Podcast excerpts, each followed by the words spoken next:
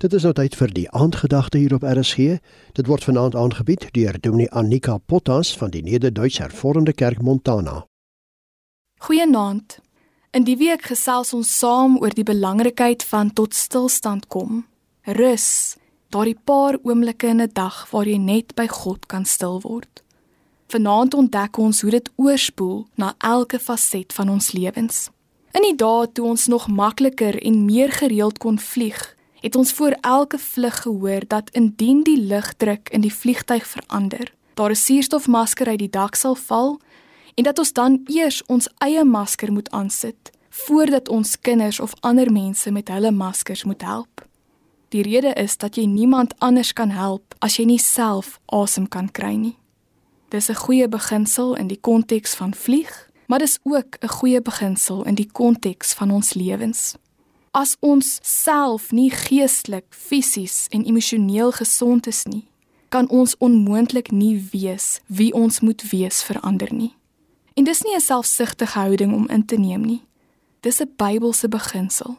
Jesus self sê iets hiervan wanneer hy die twee belangrikste gebooie uitsonder in Matteus 22. Jy moet die Here jou God lief hê en jy moet jou naaste lief hê soos jouself. Ons moet God met ons alles lief hê, maar ons moet ook ons naaste lief hê net soveel as wat ons onsself liefhet. Jesus insinieer hier dat voordat ons ander kan lief hê en 'n verskil in hulle lewe kan maak, ons eers onsself moet lief hê. As jou koppie leeg is, het jy niks om met die wêreld te deel nie. Die spreekwoord lui immers: jy kan nie uit 'n leë beker bly skink nie. God is nie net besorg oor hoe gesond jou geestelike lewe is nie, maar ook oor hoe gesond jou fisiese, emosionele en verhoudingslewe is. Elke deeltjie van jou wese maak vir God saak. Vir ons om die lewe te leef wat God vir ons wens, moet ons aandag gee aan al hierdie dinge. En dit vloei uit 'n tot rus kom. Dit vloei uit stilte. God gee jou toestemming om na jouself te kyk, om jouself op te pas en om jouself prioriteit te maak, sodat jy die beste eggenoot, ouer, kollega en vriend is wat jy kan wees.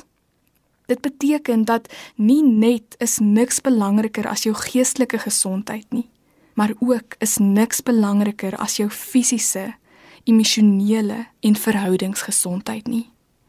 Maak tyd om tot rus te kom en luister na wat jou hele wese van jou vra.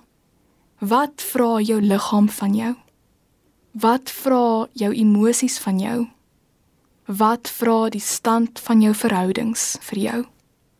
Mag jy tot rus kom, jou koppie vol maak en word wie God wil hê ons moet wees, heel en gesond. Mooi aand verder. Die aandgedagte hier op RSG is aangebied deur Dominee Annika Potas van die Nederduits Hervormde Kerk Montana.